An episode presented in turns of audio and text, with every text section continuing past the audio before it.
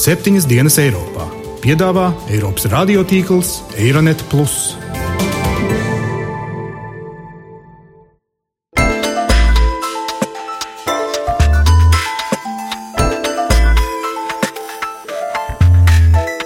Šonadēļ septiņas dienas Eiropā dzirdēsim. Tas karš ir sasniedzis jau nu, tādu ārprātu līmeni, ka viņi vairs negrib karot. Zvanījis naktī ir tēvs, kad dēši ir bijuši noslapkavojuši tēva brāli.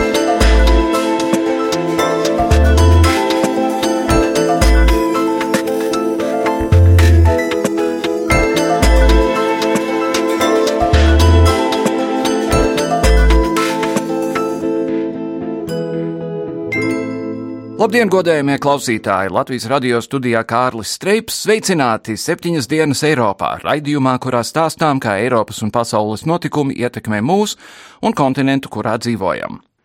Eiropas līderi jau gadu ir izmisīgi mēģinājuši atrast risinājumu bēgļu krīzei. Pagājušajā nedēļā pēc vairāku mēnešu sarunām šķiet beidzot tika panākta vienošanās ar Turciju par konkrētiem soļiem, kā ar to visu tikt galā. Saskaņā ar vienošanos turpmāk visi nelegālie migranti, kas šķērsos Turcijas-Grieķijas robežu, tiks nosūtīti atpakaļ uz Turciju. Tomēr tā sauktā viens pret vienu vienošanās ļaus Turkiem par katru migrantu pretī uz Eiropu aizsūtīt vienu patiesu Sīrijas konflikta bēgli, kas šobrīd apmeties Turcijas bēgļu nometnēs. Ne sīriešiem ceļš uz Eiropu būs pilnībā slēgts. Pretī Eiropas Savienība ir apsolījusi izmaksāt daļu, solīto 3 miljārdus eiro, un pātrināt turku bezvīzu režīmu ieviešanu ceļošanai Schengenas zonā. Turcijai ar to vien nepietiek, tā vēl prasījusi papildus 3 miljardus eiro bēgļu izmitināšanai, kā arī tā vēlas atsākt pievienošanās sarunas ar Eiropas Savienību. Vai tiešām krīzei beidzot būs atrasts risinājums, vai problēma tikai tikusi pagrūsta nostāk, lai mēs Eiropā varam vismaz izlikties, ka tās vairs nav? Šodien raidījumā runāsim par Sīrijas kara piecgadi, par bēgļu un humanitāro krīzi un par šī brīža šķietamajiem panākumiem pamieram turoties un miera sarunām virzoties. Bet vispirms mana kolēģe Jāņa Kropa sižetā par to, kas notiek ar tiem desmitiem tūkstošiem bēgļu bērnu, kas dažādu iemeslu dēļ devušies ceļā uz Eiropu vieni. Daži arī nonākuši Latvijā.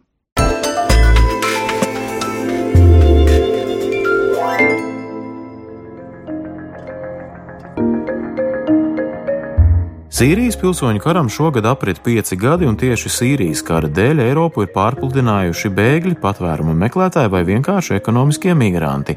Lai arī Eiropas valstu pilsoņi ir ļoti skeptiski par bēgļu uzņemšanu, lielas raizes šobrīd sāk sagādāt ieceļotāju bērni. Viņi tāpat ir nonākuši sev svešā vidē, bez izglītības un ļoti bieži arī bez valodas zināšanām. Eiropols ir aplēsis, ka Eiropā ir pazuduši vismaz 10 tūkstoši ieceļotāju bērnu, un šī ir zemākā no prognozēm. Eiropola vadība ir atklājusi medijiem, ka pastāv ļoti liela iespēja bērni ir nonākuši kriminālo grupējumu varā. Kriminālo aprindu interesi par neaizsargātajiem bērniem ir palielinājusies jau 2014. gadā, kad bēgļu jautājums Eiropā tikai sāka samilst. To, ka ar bēgļu bērnu tiesību ievērošanu ir problēmas, ir norādījis Islāma cilvēktiesību komisijas vadītājs Masuds Šadjereks. Viņa prāta tieši bēgļu bērni ir visneaizsargātākā daļa.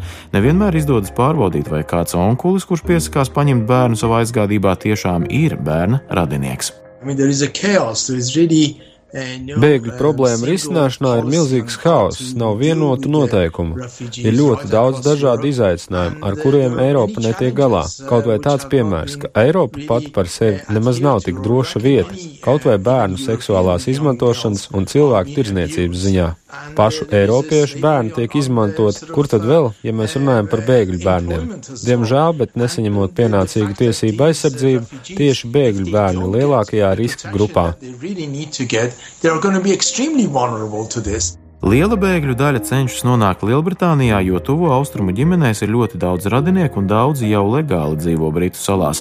Laura Grifita, brīvprātīgā no Lielbritānijas, jau vairākus mēnešus cenšas palīdzēt bēgļiem Kalē pludmales smiltīs. Viņa strādā tieši ar bērniem, jo cenšas noskaidrot, kur varētu būt bērnu ģimenes locekļi. Šie bērni nav redzējuši savus vecākus gadus, divus vai trīs. Mirklis, kas man alaši paliks atmiņā, ir redzēt prieku viņa sejās, kad paziņojam, jūs varat doties tālāk un pievienoties savai ģimenei, kādos apstākļos viņi šeit kalē smiltīs mitinās. Piemēram, šīs telts tiek uzskatītas par siltām, jo tās ir sausas, bet aplājot sienas pat ar sagām, tajās salst. Pieredze ar bēgļu bērniem ir arī Latvijā. 11 bērni mācās Natālijas draugiņas vidusskolā, 10 ir integrēti kopējā mācību plūsmā, bet viens jaunietis mācās individuāli. Stāsts ir jau par dzirdēto puisi no Afganistānas Kamrānu Aijubī. Skolotāja Ievutināna atzīst, ka kultūras atšķirības darbā ir pat ļoti pamanāmas. Viņš sākumā ilgu laiku skarīja viņam ļāvu, ka viņš ir cepurs staigāja. Beigās viņam sāka teikt, ka skolā mēs cepuru tomēr noņemam.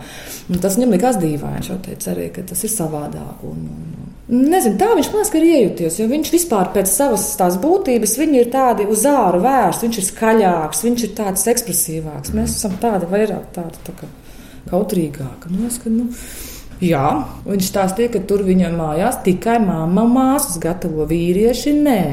Šeit viņš ir sācis gatavot. Viņš jau mums cep olas un mizo kartupeļus, cep desu. Ir redzēts, kādreiz, ka es seju, ka viņš kaut kur aizklīs vai pa centru vai ko. Viņš jau zina, kas ir origo, kas ir brīvības piemineklis. Cik es saprotu, ka viņš to brīvo laiku izmanto arī, man liekas, lai pastaigātos, iepazītu kaut ko.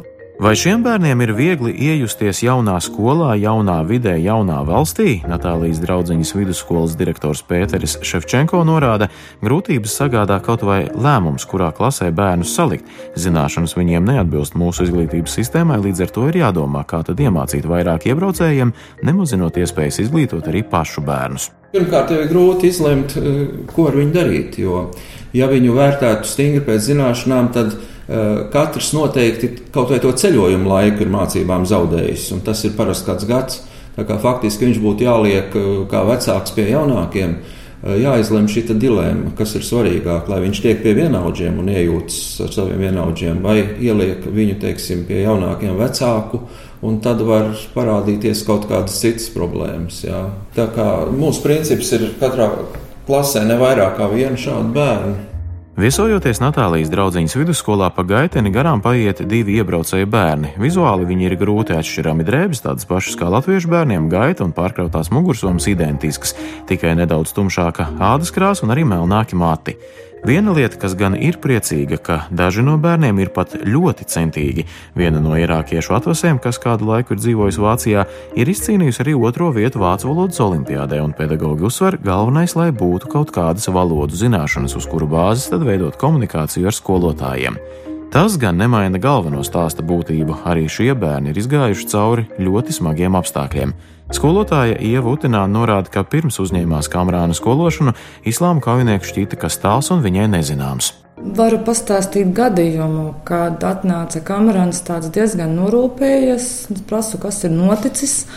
Un viņš man stāsta, ka zvanījis naktī ir tēvs un esot, nu, ja es pareizi sapratu, tēva brālis noslapkavots. Nu, kā dēši ir bijuši noslapkavojuši tēva brāli. Nu, tas man arī bija tā kaut kā tāds, nu, izcita man no līdzsvara nedaudz, un man likās sākumā tas viss tā tālu. Tagad ar to kameru tas viss ir pietuvojies maksimāli tuvu, tas tā. Nākamajā dienā, ja Kālis pareizi saprata, tad esot jau no tās pašas ģimenes, jau kaut kāds bērns arī noslapkavots. Bet pats kamerāns it kā norūpējies un tam līdzīgi. Tajā pašā laikā man liekas, ka viņš to faktu ir pieņēmis, tā tur notiek. Tas tā ir. Tur griež galvas nost, tur šādi. Skolotāja Ieva Utināna arī izstāsta, kāpēc Kamerāns laikam ir devies bēgļu gaitās. Allaž gan jāatceras, ka stāstītais varētu būt aptuvenas nojausmas valodas barjeru dēļ. It kā Kamerāna tēvs esot pārdevis kaut kādu zemes gabalu, lai samaksātu kontrabandistiem un dabūtu dēlu prom no daīšu ietekmes. Kaujinieki braukā pa ciemiemiem un paņem līdzi jauniešus, lai veidotu savas armijas. Protams, jāatceras, ka tas arī varētu būt labs stāsts, lai iežēlinātu atstāt jaunieti Latvijā, tomēr Eiropas tiesību sargājošo iestādes turpina zvanīt trauksmi. Bērni Eiropā jau tā pazūd, bet tie, kas ir atbraukuši bez dokumentiem vai arī palikuši bez vecākiem, viegli kļūst par laupījumu kriminālām darbībām. Izmanīgi krāpnieki izdomā dažādus veidus, lai bērnus dabūtu sev. Kas notiek tālāk, to gan neviens vairs nezina. 2011. gada martā Sīrijas dienvidu pilsētā Darā ielās izgāja protestētāji pēc tam, kad tika arestēti un spīdzināti pusauģi, kuru lielais noziegums bija apgleznot skolas sienas ar revolucionāriem saukļiem. Asada valdības drošības spēki pret tiem atklāja uguni, vēlāk viss strauji eskalēja, un šodien, piecus gadus vēlāk, te jau pusmiljonu Sīrijas iedzīvotāji karā gājuši bojā, vairāk nekā desmit miljonus bijuši spiest pamest savas mājas un doties bēgļu gaitās, valsts iekšienē un arī ārpus tās. Šodien spriedīsim runāsim par Sīrijas kara piecgadi, šī brīža pamieru, miera sarunu progresu un neaptveramās humanitārās krīzes risināšanu. Studijā žurnālists, rakstnieks un ārlietu pārzinātājs Andris Setelinieks. Labdien! Sāk, sāksim ar to it kā pamieru. Cik ilgi tas varētu turēties un cik tas tiek ievērots pat labam? Mhm. Principā šis pamieris, tur ir jāņem vērā tāda nianses, ka pamieris attiecās būtībā šobrīd uz pagaidām uz nelielu daļu Sīrijas. Uz Alepo pilsētu, piemēram. Ne tikai uz Alepo pilsētu, arī uz Sīrijas dienvidiem, ziemeļiem. Un šajā pamierā ir iesaistījušies valdības spēki un viņu sabiedrotie. Ja? Un šobrīd aptuveni simts vairāk dažādi kaujinieku grupējumi, bet šeit ir jāsaprot, ka Sīrijā ir ap septiņiem tūkstošiem dažādu kaujinieku grupējumu, un tie grupējumi ir no lielām armijām, tādām kā Islāma valsts vai Asnusre, un beidzot ar vienkāršām lielceļu laupītāju bandām no dažiem desmitiem lielceļu laupītāju, tas nebūtu varbūt īstais vārds, mhm. no dažiem desmitiem cilvēku tie ir grupējumi, kas vienkārši ir vietējā zemesardze, kas aizstāv kādu apdzīvoto vietu pret visiem citiem citiem pretendentiem, tikai islāmistu novirzieni, dažādi, teiksim, ideoloģijas. Tie vien ir vairāki simti. Tā kā tas skaits ir salīdzinoši neliels, bet kas ir būtiski, tie, kas ir parakstījuši šo vienošanos pagaidām, kas principā tiek ievēroti, tie pamatā ir tiešām tādi mēreni, laicīgi grupējumi, kuriem to ideoloģisko mērķu, ja teiksim, tur uzcelt laimīgo kalifātu vai vienalga kaut ko, nu, jebkādu apsolīto zemi, kuri tomēr priekšroku dod nevis tai apsolītajai zemē, bet kuri saprot, ka tas karš viņš ir sasniedzis jau nu, tādu ārprātu līmeni, ja, kad, ka viņi ir gatavi runāt, ka viņi vairs negrib karot. Un principā ir tā, ka šiem te pamatiem pamieram viņam ir plašs atbalsts iedzīvotāji, tieši vienkāršo iedzīvotāju vidū, jo tās armijas tur iet uz priekšu un apakaļ, ja, un tiem cilvēkiem, godīgi sakot, viņiem nekas cits neatliek, kā beigt vai cerēt, ka tas kādreiz beigsies. Ja. Ja, grūti iedomāties, kā kāds vispār tur dzīvo tajās dzīvo. pilsētās. Nu, lūk, jā, un tā kā tur, kur tas pamieris ir parakstīts, es domāju, ka viņam principā ir, ja tas būtu atkarīgs tikai no šiem pamieru parakstītājiem, tad jā, tad tur būtu labas cerības viņam noturēties, bet nu, tas, diemžēl, ir atkarīgs no ļoti daudziem, kuriem ir izdevīga šī kara turpināšana līdz galīgai uzvarai. Tas ir galvenokārt visa veida islāmistiem, jā, ir arī, teiksim tā, nesamierināmie, kā varētu lietot vārdu, tur, teiksim, liberālie ekstrēmisti, jā, kuriem liekas, ka, tā teikt, kādu īstu brīvību un demokrātiju var uzcelt tikai ar ieročiem rokās, ja, kas diezgan vai atbildīs patiesībai.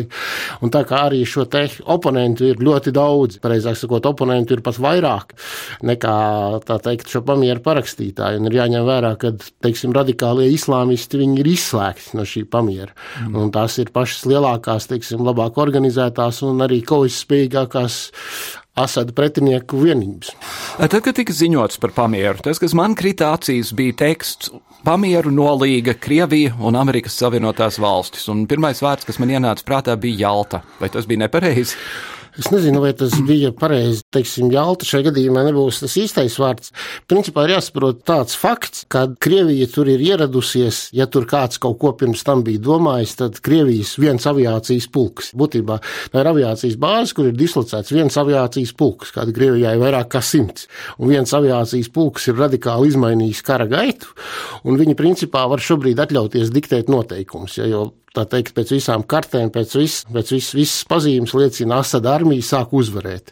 Krievu militārie speciālisti, ja, Krievu štābisti, viņi ir reorganizējuši šo armiju, viņi ir nu, noorganizējuši pamatīgu koordināciju starp armijas daļām, tur ir apmācība, tur ir jauns bruņojums, ja viņi ir kļuvusi daudz kaujas spējīgāk nekā bija. Otra lieta tieši par jautājumu starp Krieviju un ASV. Ja, nu, teiksim, ASV tā efektivitāte šajā gadījumā nav īpaši augsta. Jā, toties lielākā daļa šo opozīcijas grupējumu orientējās tieši uz ASV. Un bez ASV rīku, nu, teiksim tā, licences viņi diez vai būtu ar mieru pārtraukt šo kara darbību. Mm -hmm. Un tāpēc šajā gadījumā tie ir tie galvenie faktori, bet es neteiktu, ka tā ir jalta, ja, jo tur ir, teiksim, šis nav tas gadījums, kad sanāk kopā divas lielvalstis un vienkārši, ja kā viņas lems, tā būs. Tur ir Turcija, ir Izraela, ir Jordānija, ir Saudārābija, ir Katara, kurām visām šīm reģionu valstīm ir savas intereses. Arī Irāna. Arī, nu, protams, jā. Irāna, ja, Irāna jau būtībā tā jau ir tieši iesaistīta šajā mm -hmm. konfliktā, jo tur jau karo, nu, saucās brīvprātīgie, cik viņi ir brīvprātīgi, tas ir cits jautājums. Un visas šīs valstis, jā, tā kā principā, jo gal, pat ja galvenie spēlētāji ir panākuši vienošanos, tas nenozīmē, ka šī vienošanās, ka viņa tiešām reāli tiks izpildīta, jo vienmēr var atrasties kāds, nezinu, burbuļu mākslinieks, nu, cepurs, kas izliet ar kaut kādu savām interesēm un savām vēlmēm. Šonadēļ ir, ir ziņots, ka viens disidents no Islāma valsts ir nospēris disku ar personu uzvārdiem un telefonu numuriem 22 tūkstošiem un atdevis mēdījiem Lielbritānijā.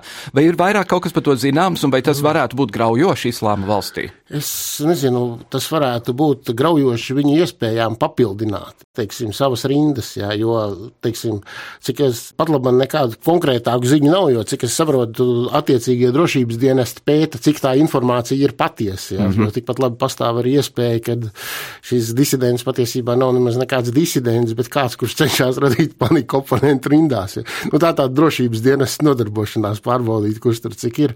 Bet, ja tas atbilst patiesībai, jā, tad, tad ļoti daudz, piemēram, ja, ja jūs esat tur islāmistu ģimenīti, tā tēlēni izsakoties, tas jau nāk arī pār ģimeni, jā, un ļoti daudz centīsies atturēt jā, šos jaunos entuziastus no došanās uz šīm te, uz tam kardarbības zonām, jā, un drošības dienas arī, protams, tas, nu, tas, teiksim tā, tas ievērojami palielina iespējas apkarot šo te došanos uz islāma valsti, jā, vispār pie šiem radikālo islāmistu grupējumiem.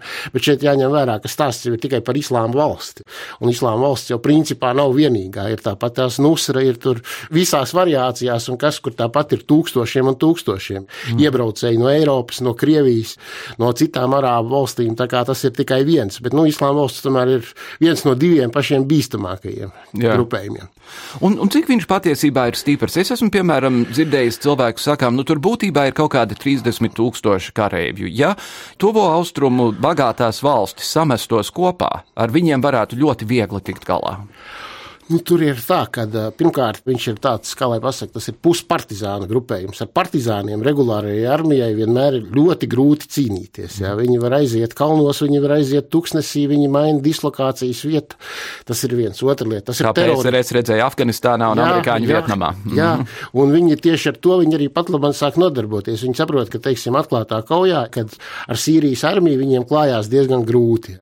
Teikt, mēs redzam, nu, paskatoties visas šīs ziņas, kas ir Viņi rīko negaidītus uzbrukumus kaut kādām komunikācijām, ja strateģiski svarīgiem punktiem. Viņi rada tur hausu, viņi kaut ko tur un tikpat ātri atkāpjas atpakaļ. Ja, jo viņi ilgas kaujas, viņiem nav tāda bruņojuma, piedāvājuma vēl pāri visam stāv Krievijas aviācija, viņi nav spējīgi izturēt.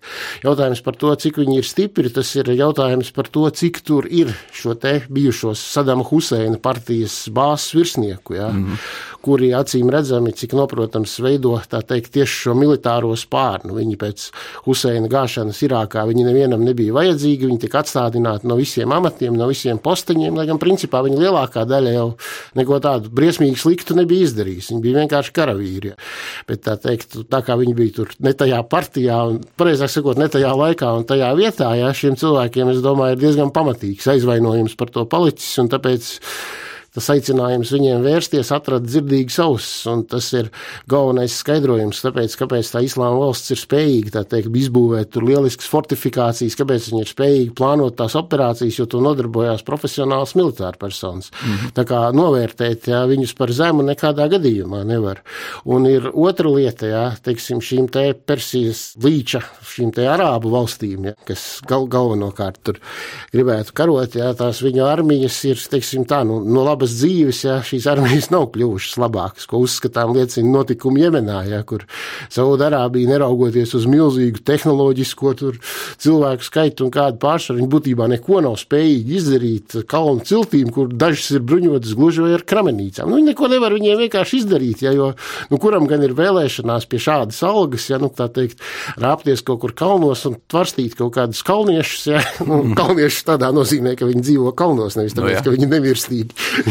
un. Nemaz nerunājot par Irāku, kur Irākas bruņoties spēki, ko līdz uzradās Daesh, tā nomet ieročus un čik, čik, čik skrēja prom. Jā, nu, apmēram tā, teiksim, šo armiju kaujas spējas, viņas ir zem katras kritikas salīdzinot ar to, jā, un ja jums pretī ir, teiksim, es vēlreiz uzsveru, viņi ir ideoloģiski ļoti labi motivēti, jā, saucās, viņi izmanto partizānu kara metodus. Viņi ir teroristiska organizācija. Viņi vispirms sūta nāvinieks un pēc tam nāk karavīri. Un es pieļauju domu, ka nevienai teiksim, no labklājīgo valstu armijām, ja, teiksim, šajā gadījumā Persijas līča Saudārābijas armija tā ir labklājīga valsts. Ja, mm. nu, teiksim, viņi nevar tur nosaukt par demokrātisku, ja, bet nu, teikt, viņi vienkārši viņi nav gatavi karot ar šādām valstīm. Un tā ir tā lielā problēma. Ja, un arī tas ir piemēram ja, iemesls nedz ASV, nedz Krievija arī ir kategoriski noliegušas iespēju, ka viņas varētu sūtīt sūtīt ja, savus bruņotos kontingentus, ja, jo teiksim, to nesaprastu. Nedz, nu, ja īpaši tagad ASV prezidenta vēlēšanas arī Krievijā nesaprastu, kāpēc mums ir jābrauc tur. Teikt, jā, mēs varam ar lidmašīnām palidot, ja mēs tur varam teikt, pamērīties ar kaut ko ar amerikāņiem vai ar krieviem, kā mums sanāk, tas viņiem nesanāk. Bet tā teikt, lai mēs sūtītu savus karavīrus mirt par kaut kādu tur raku kaut kur Sīrijas tuksnesī, ja pilsēta ar nosaukumu raku, to neviens nav gatavs. Ja, tāpēc viss ir atkarīgs no tā, cik lielā mērā gribēs karot, teiksim, pirmkārt kurdi, otrkārt Sīrijas armija un treškārt arī Irāna. Mm. Lai cik tas nebūtu, Irāna ir principā ieinteresēta. Šeit atkal ir problēma. Tas stāsts ir par to, ka neviens nav tik ļoti ieinteresēts. Pirmkārt, to cilvēku tāpat trūkst. Karš gal galā ilgst jau piecus gadus. Ja ir liels skaits kritušo, ir zaudējumi, valsts ir izpostīti. Un tas jautājums ir, teiksim, Bašars Asats, kurš visticamāk saglabās varu tieši alavītu, nu šī alavīta sektorā, ja, ja tā nosacīt, var teikt, ja, vai viņam tāda raka ir vajadzīga, vai viņam ir vajadzīgi tie tur vairāki miljoni iedzīvotāji, kas atklāja atklāti viņu ienīst, ja, un kas atklāti gribētu viņu uzspridzināt gaisā. Savās, mm -hmm. savās zemēs, ja jā, tur viņš ir teikt, cienījams cilvēks, viņš ir izturējis karu un tā tālāk, bet tikko viņš pamat šīs te teritorijas, ja tur, teikt, tur ir tikai ar represīvām metodēm var uzturēt kaut kādu kārtību. Vai viņam tas ir vajadzīgs? Bet no otras puses, tas nozīmē, ka viņš tos miljonus atstāja būtībā Daeša rīcībā, un, un tādā gadījumā tie cilvēki ir starp akmeni un cietu vietu, kā amerikāņi saka. Daeša ir briesmīgs, Asats ir briesmīgs briesmīgs. Jā, kurdi, tā teikt, kurdi arī nav nekādā sajūsmā. Kurdiem galvenais ir viņu teritorijas, galvenokārt gar Turcijas robežu, ja, un eh, vai viņiem ir vajadzīga, ja, saucās priekš kam jautājums, ja, tas arī bieži izskan tagad, priekš kam kurdu zemesardzēji, priekš kam viņiem ir vajadzīga raka. Viņu sapnis ir viņu valsts vai vismaz milzīga autonomija. Viņi nav atguvuši visas savas teritorijas, vēsturiskās gar Turcijas robežu, ja tur lielā mērā arī politiski iemeslu dēļ. Un tagad viņus cenšas pierunāt, lai viņi iet ja, uz būtībā, kas ir Islāma valsts cietoksnis, kas ir labi nocietināta pilsēta, lai kurdu zemesargi iet tagad un noliek savus galvas viņiem būtībā neskaidru iemeslu dēļ. Tas varbūt viņiem dod kādus pozitīvos punktus, un to varbūt valsts politiskā vadība saprot, bet izskaidrot tiem cilvēkiem, kas ies tajā kaujā, kāpēc viņiem tur ir jāiet. Es baidos, mm -hmm. ka to ir ļoti grūti izdarīt. Ja? Bet tajā pašā laikā tad ir jautājums, vai ir kaut kāds skaidrojums tam, kā piemēram Latvijas Islāma kultūras centra vadītājs nonāk pie tā, ka viņš tagad slavē to, kas notika Francijā, viņš ir kaut kur tuvajos austrumos, neviens nezina, kur viņš ir. Uh. Tas ir jautājums drīzāk filozofisks kategorijas. Tur postmodernisms, tur mūžīgā tieksme uzcelt kaut kādu absolūtās laimes sabiedrību. Ja? Nu, es nezinu, kā, kā parasti ir pieņemts, jo ideja ir jaunāka. Ja? Jo vairāk kādu laiku, teiksim, visi tie, kas sapņo par kaut ko gaišu un skaistu, jo ilgāku laiku šie cilvēki uzskata, ka tā nu ir pati labākā un universālākā sakarā ar to, ka viņi ir pati jaunākā. Nu, tas ir tāds modes kliedziens gandrīz.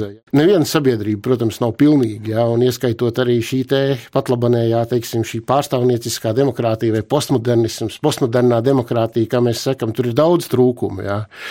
Un tā tālāk, un vienmēr atrodas karstas galvas, kuriem liekas, ka tā teikt, ka tur, es nezinu, tur komunisms, islāmisms, vienalga kas, jā, saucās uh, pilsēta kalnā kā Amerikā, jā. Gal galā demokrātija savu laiku pret, pret karaļiem un karalienēm. Nu jā, nu viss, ka visas šīs lietas, ja, tās ir jāuzceļ ar jebkādām metodēm par jebkuru cenu. Man grūti teikt, es domāju, ka drīzāk tie jautājumi, viņi tās atbildes uz tiem jautājumiem, viņas ir meklējamas pašā sabiedrības iekšienē, pašās tajās tendencēs, uz kurieni iet, ja jo tā sabiedrība, ja, jo, ja tas virziens, ja nebūtu tik daudz pretrunu iekšienē, ja nebūtu šo ekonomisko, politisko pretrunu, es teiktu, arī nevienlīdzības, būsim godīgi, ja, tad, tā teikt, es domāju, ka šo te laimīgās zemes cēlāju būtu daudz mazāk. Mm -hmm.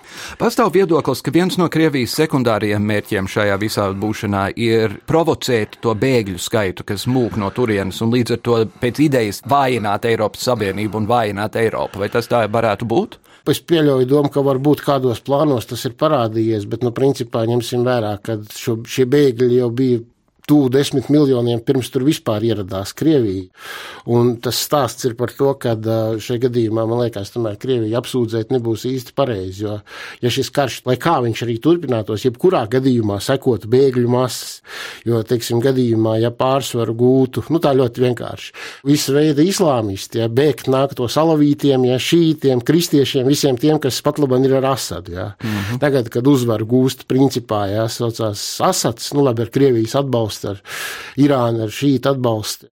Teikt, tagad principā bēgt nākās tiem, jā, saucās, kas ar ieročiem rokās ir uh, cīnījušies pret Asadu. Jā. Tā kā es domāju, Krievijas loma tur, uh, varbūt viņi, protams, var kādās stratēģijās vai kur to ierakstīt, un principā viņiem tas ir izdevīgi. Bet, bet viņi nav galvenais. Bet tas nav galvenais, jo tie bēgļi objektīvi būtu jebkurā gadījumā, lai kā tas karš arī neattīstītos. Un tā teikt, un tur iespējas panākt pamieru, man liekas, bija ļoti ierobežotas bez tiešām, bez Krievijas un ASV iejaukšanās, un es domāju, ka viņi būtu jebkurā gadījumā. Ja par bēgļiem, tad pievērsīsimies tagad tam, ko Turcija pat labi dara. Ar šo it kā solījumu, ka viņi ņems atpakaļ vienu bēgli, ja Eiropa ņems vienu apstiprinātu bēgli un tā tālāk un tā joprojām. Un tādā gadījumā vīzu režīmu, tādā gadījumā sarunas par iestāšanos Eiropas Savienībā, lai arī mēs esam autoritāra valsts un tā tālāk.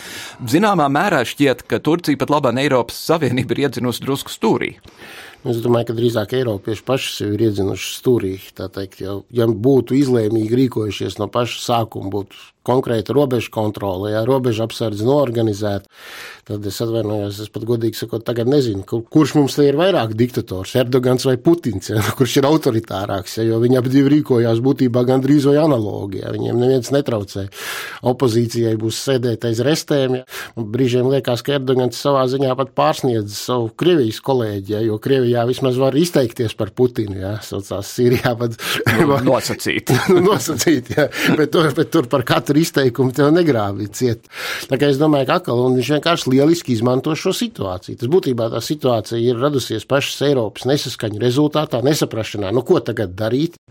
Un būsim godīgi, ka šīs bēgļu traumas, viņas visu laiku plūda caur Āfriku, un ko viņas jau ir palikušas nemainīgas. Šī lielā krīze sākās brīdī, kad Erdogans, es pieļauju domu, nu, Turcija, ja, viņi saprotam iemeslu dēļ atvēra šīs slūžas. Ja, nu, varbūt, mm. varbūt viņiem šo bēgļu bija pa daudz, viņi vairāk nespēja viņus vienkārši uzņemt. Ja, viņi Atdevu viņus Grieķijai. Atdevu viņus, vienkārši atļāvu viņiem iet, jā, saucās, pastimulēja, teica, nu, tā teikt, nekavējieties, nekavējieties, mēs varam pārdomāt, jā. Un, principā, nu, tas arī, bet, principā, šis jautājums pamatā ir Eiropas pašas jautājums, un ja tas netiks atrisināts, tad šādā veidā Es domāju, tas ļaunākais varbūt nav tie bēgļi. Mums liekas, ka bēgļi tas ir kaut kas briesmīgs un slikts. Nu, patiesībā jau tā, būsim godīgi. Teiksim, kas ir reālie bēgļi, tos tiem tiešām ir jāpalīdz. Jā, un es saprotu, tur, ka tur ir ļoti daudz saucamo ekonomisko bēgļu un laimes meklētāju. Jā. Bet tas jautājums ir par to, ka, ja tagad, es gribēju teikt, Eiropa var tos bēgļus, viņus var uzņemt. Tā nav problēma patiesībā. Jā. Sabiedrības noskaņojums tā ir lielāka problēma, bet tas stāsts ir par to, ja šodien mēs tirgojamies ar Erdoganu, kurš pavisam noteikti noteikti pat labi neizskatās pēc demokrāta. Tas pavisam noteikti neizslēdz iespēju. Šodien tas ir Erdogans, rīt tas varbūt ir Putins, parīt tas ir, es nezinu, vēl kas, aizparīt vēl kas. Tā kā, nu, principā vajadzētu būt konsekventiem, jā, nu, tā teikt, ja reiz ir pasludināts, ka kaut kādas vērtības ir, un te ir to vērtību saraksts, tad nu, tomēr nevajadzētu vienā, vienā brīdī pievērt acis, tāpēc, ka mums pat labāk vajag šo te pilsoni Erdoganu jāsaucās, un tad mēs pievēram acis, ka tur policijas spēcvienības ar asargāzi un gumijas lodēm iztrēnkā redakciju. Un tad es nezinu, tas var beigties tālāk un tālāk, ja jau visiem mm. šādām tendencēm ir noskaņojums pieņemties spēkā. Bet, ja par tiem, tiem bēgļiem īstajiem kojus, mēs taču sešus bēgļus te pieņēmām, un Baltā rasa tuliņ būs iznīcināta. Baltā rasa, protams, nebūs iznīcināta, jā, bet es gribētu toreiz teikt, runa ir par tiem, kas tiešām ir bēgļi. Jā. Es nedomāju, ka cilvēki, kas ir ieradušies tur no valstīm, jā, kur karš tūmā nav stāvējis, aizsviež savu pasi un Viņš pat nemāca arābisku un vispār ir melns, bet paziņo, ka viņš ir no Sīrijas. Ja, nu, tas ir mm -hmm. cits stāsts. Jā. Tas ir cits stāsts. Bet tas rada jautājumu, vai, vai tiešām ir iemesls domāt, ka Turcijā pat labi ir vairāk īstu sīriešu bēgļu nekā Eiropā pat labi ir, ir ekonomisko migrantu, ja viens pret vienu tā darīs? Es domāju, ka patiesībā Eiropā viņi ir daudz vairāk. Es domāju, ka teiksim, ar Turciju ir tā, ka tur, kur tā situācija stabilizējās, viņi patiesībā mēdz atgriezties. Viņi cits starpā ir daļa vēl, jā, kas ir saucamie čerkesi zina, tad savulaik no Cariskās Krievijas aizbēga, nu, emigrēja mm -hmm. uz Osmaņu impēriju. Daudzi no viņiem uh, brauc no Sīrijas uz Krieviju, jo viņiem tur ir radinieki. Ja? Nu, tas nav daudz, ja tie ir daži tūkstoši pagaidām, mm -hmm. ja? bet es saprotu, šī tendence pieņemās spēkā. Un tā kā patiesībā es domāju, ka tā Turcijas nozīme šajā gadījumā viņa krietni pārspīlēta, bet, kā zināms, bailēm vienmēr ir lielas acis, ja? un ja šīs bailes attiecīgi uzkurināt, tad viņas kļūst vēl lielākas. Un katrā gadījumā nobeidzot viens, ko mēs noteikti varam teikt, ka desmit gadē mēs mēs abi varēsim sēdēt pie šiem pašiem mikrofoniem un runāt tālāk par šo lietu. Es domāju, ka principā jā, jā, bet es tomēr ceru, ka tas tad jau tas vairāk būs jautājums par to, kad eh, centīsies sadalīt eh, kaut kādas iesp atjaunošanas iespējas vai tur naftas ieguves atjaunošanu vai ko. Un ka tas vairs nebūs jautājums, kurš tad īsti ar ko te tagad karos, kurš, kuram kurš tagad ir jādabū pie miera. Nu redz. Andris Sedlinieks, paldies par interesantu sarunu. Amerikāņu rakstnieks un politiķis Ralfs Neiders savos darbos apgalvojis, ka saules enerģiju plaši neizmantojam, jo naftas kompānijām vēl nepiedara saule. Mēs septiņas dienas Eiropā ticam, ka kādu dienu ar sauli tomēr spēsim sasildīt vairāk nekā tikai savas sirdis. Pirmo reizi pēdējo trīs gadu laikā Eiropas ostās piestāja tankuģi ar Irānas naftu. Kāda ir Irānas loma pasaules naftas tirgu un vai embargo atcelšana vēl vairāk atšķēdīs melnā zelta cenu Eiropā un pasaulē, komentē enerģētikas eksperts Reinis Āboltiņš. Nu, Droši vien, ka tūlītāja iespēja uz naftas tirgu Eiropā šai piegādēji no Irānas, pirmajai piegādēji pēc sankciju atcelšanas, tiešā veidā nebūs, bet potenciāli nākotnē Irānai attīstot savus eksporta apjomus un arī naftas iegūs apjomus. Irānai šis eksports uz Eiropas valstīm gan varētu nozīmēt kaut ko pat vairāk. Irāna arī agrāk bija jēlnaftas piegādātājs eh, kompānijām Eiropā. Pārsvarā mēs runājam par eh, Spāniju, Itāliju un Franciju, bet arī eh, Nīderlanda ir importējusi naftu no, no Irānas. Irāna ir bijusi principā uzticams partners, piegādes partners, tā ir labi konkurējusi ar citiem piegādātājiem. Nu, mēs skatāmies, tad tīri statistiski Irāna ir top 6 naftas ieguvēja pasaulē. No eksportētājiem valstīm tā ir trešā lielākā eksportētāja. Līdz ar to nu, tā dinamika, kad mēs runājam par Irānu, ir interesanta gan viņa vietējā patēriņa kontekstā, gan eksporta kontekstā. Un, protams, Irānas ekonomikai tagad jādomā attīstoties, vairāk iesaistoties globālajā apritē pēc šo sankciju atcelšanas. Visticamāk, arī pašiem enerģijas patēriņš ies uz augšu. Bet tāpat laikā viņi ir solījuši, ka viņi to iegūs apjomu spēs palielināt par 500 tūkstošiem barelu dienā. Viņi varētu arī eksportēt, attiecīgi savu naftas eksportu palielināt. Ir jāgaida, ka visticamāk Eiropas uzņēmumi, naftas pārstrādes uzņēmumi turpinās sadarbību ar Irānu. Protams, sekojot līdzi tam globālajām cenu tendencēm, bet ja Irāna teiksim, pieturēs to līdzšinējo cenu, kāda tā ir, un vairāk vai mazāk ies kopsolī ar to cenu, kāda ir naftai šobrīd ir. Nu, tā ir pat laba ļoti zema. Bet nu, ar varbūt ļoti minimālu tendenciju paaugstināties un normalizēties kaut kādā saprātīgākā līmenī. Daudzie analītiķi norāda, ka neskatoties to, ka naftas cena šobrīd ir joprojām uzskatām par ļoti zemu, Irāna joprojām ir gatava arī par šādu cenu to savu eksportu uh, uz uh, Eiropas valstīm īpaši veikt pastāvīgs, labs, uzticams klients, kurš vienmēr samaksā un ir gatavs sadarboties, ir liela vērtība. Tāpat kā uzticams piegādātājs, nu šeit ir noteikti saredzama apusē gan Eiropas Savienības dalību valstu, gan Irānas enerģetikas sadarbības izdevīgums. Tas ir neapšaubāms. Un, nu, es domāju, ka no ārpolitikas viedokļa ir Eiropas Savienības valstīm ir noteikti izdevīgi iesaistīt Irānu apritē tādā veidā, vai attīstot vai atjaunojot ciešāku ekonomisko sadarbību, jo tam jebkurai ekonomiskai sadarbībai ir ciešākas politiskas teiksim, sekas. Tā sadarbība var uzlaboties. Protams, šeit ir citi jautājumi, kā cilvēktiesība aspekti, ko vienmēr Irānai var droši vien vēl ilgi varēs pārmest, bet fakti tādi, ka tā nauda, nu, diemžēl vai par laimi, iet pa priekšu parastiem procesiem, un ja šī sadarbība ir veiksmīga, tad viss pārējais arī lēnā garā tiek sakārtots. Ar to arī izskan šīs nedēļas septiņas dienas Eiropā. Dāmas un kungi par bēgļiem un migrantiem var domāt visādi, bet ja runa ir par bērniem, būsim taču cilvēki. Mans vārds ir Kārlis Streips, līdz nākamajai nedēļai. Visu labu!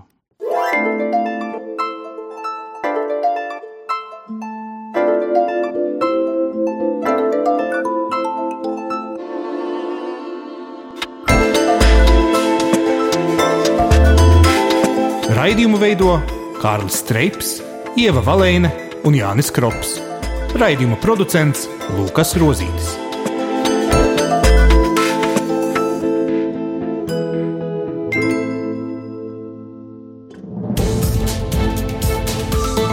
Visus Eironet plus sižetus un raidījumus meklējiet Latvijas radio mājaslapā.